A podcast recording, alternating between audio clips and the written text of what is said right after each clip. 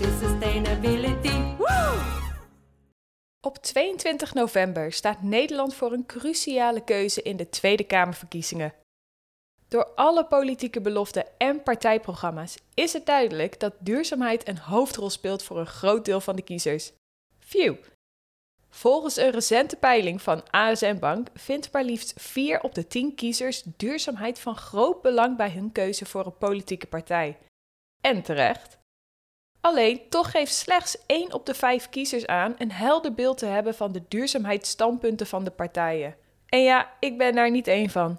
In die overvloed aan informatie die de politieke partijen onze kant op gooien, zie ik soms door bomen bos niet meer.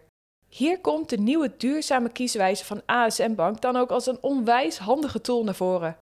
Deze wijze brengt namelijk de standpunten van zes politieke partijen over 16 duurzaamheidsthema's in kaart, waardoor kiezers, zoals ik, in staat zijn een groene keuze te maken.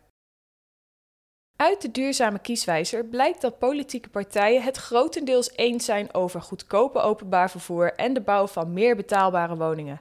Alleen, meningsverschillingen komen naar voren over kwesties als landbouw, natuurbehoud, true pricing en de bouw van nieuwe kerncentrales. Heb je het over duurzaamheid, dan heb je het over ontzettend veel verschillende onderwerpen. Het is dan ook niet zo gek dat er een grote diversiteit van benaderingen en prioriteiten van elke partij te vinden is. Om mijzelf wat focus te geven en zo gemakkelijker een keuze te maken, heb ik verschillende punten die in mijn ogen onmisbaar zijn voor een duurzame toekomst, die circulaire samenleving. Een samenleving waarin we binnen de draagkracht van de aarde leven. hey, en uh, als je deze podcast luistert, ben je al lekker op weg? Een samenleving waarin we langer doen met de spullen die we hebben, waarin we voornamelijk plantaardig eten, waarin we meer in harmonie leven met de natuur en waarin we ons richten op een wereld zonder afval. Een paar punten waarvoor ik sta. Het stimuleren van consuminderen. Hier duik ik binnenkort met Paul Schendeling, auteur van het boek Er is leven na groei, wat uitgebreider op in. Dus stay tuned. Nummer 2 lokale biologische plantaardige voeding toegankelijk maken voor iedereen. 3. Het stimuleren van de tweedehandsmarkt, ruilplatformen en reparatiediensten. Zo moet reparatie bijvoorbeeld meer gestimuleerd worden door een btw-verlaging. Nummer 4. True pricing, onwijs belangrijk. Nummer 5. Een circulaire economie, waarin we werken met korte ketens en waar we ons richten op het ontwikkelen van circulaire producten. 6. En gelukkig hoorde ik die al terugkomen. Reizen met OV moet aantrekkelijker worden gemaakt en vliegen sowieso minder aantrekkelijk. Daarbij vind ik het ook heel belangrijk dat vliegen niet alleen maar iets gaat worden van de rijken. Ik hou van reizen, dat weet je. Dus ik vind onwijs belangrijk dat de treinen aanzienlijk goedkoper worden gemaakt en de verbindingen internationaal stukken beter. Op basis van deze punten heb ik nu mijn pijlen gericht op partijen als GroenLinks, PvdA en Partij van de Dieren.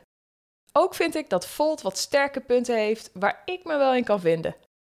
Ben jij nog zoekende? Dan heb ik wat handige tips die je helpen een weloverwogen groene stem uit te brengen. Als eerste, informeer jezelf. Gebruik de duurzame kieswijzer, linkje in de show notes, om inzicht te krijgen in de standpunten van verschillende partijen over belangrijke duurzaamheidsthema's. Nummer 2. Focus op concrete plannen. Kies voor partijen die concrete en haalbare plannen hebben op gebied van duurzaamheid, zoals verlenging van levensduur, hergebruik en bevordering van groene innovatie. Nummer 3. Bekijk de visie op circulaire economie. Partijen die een sterke focus hebben op een circulaire economie en het verminderen van impact op milieu verdienen extra overweging. Nummer 4. Overweeg de standpunten over reparatie en hergebruik. Partijen die het Right to Repair ondersteunen, een Europese wetgeving die het repareren van producten nog makkelijker en toegankelijker maakt, en partijen die zich inzetten voor, nou ja, het repareren, hergebruiken en verlengen van levensduur van producten.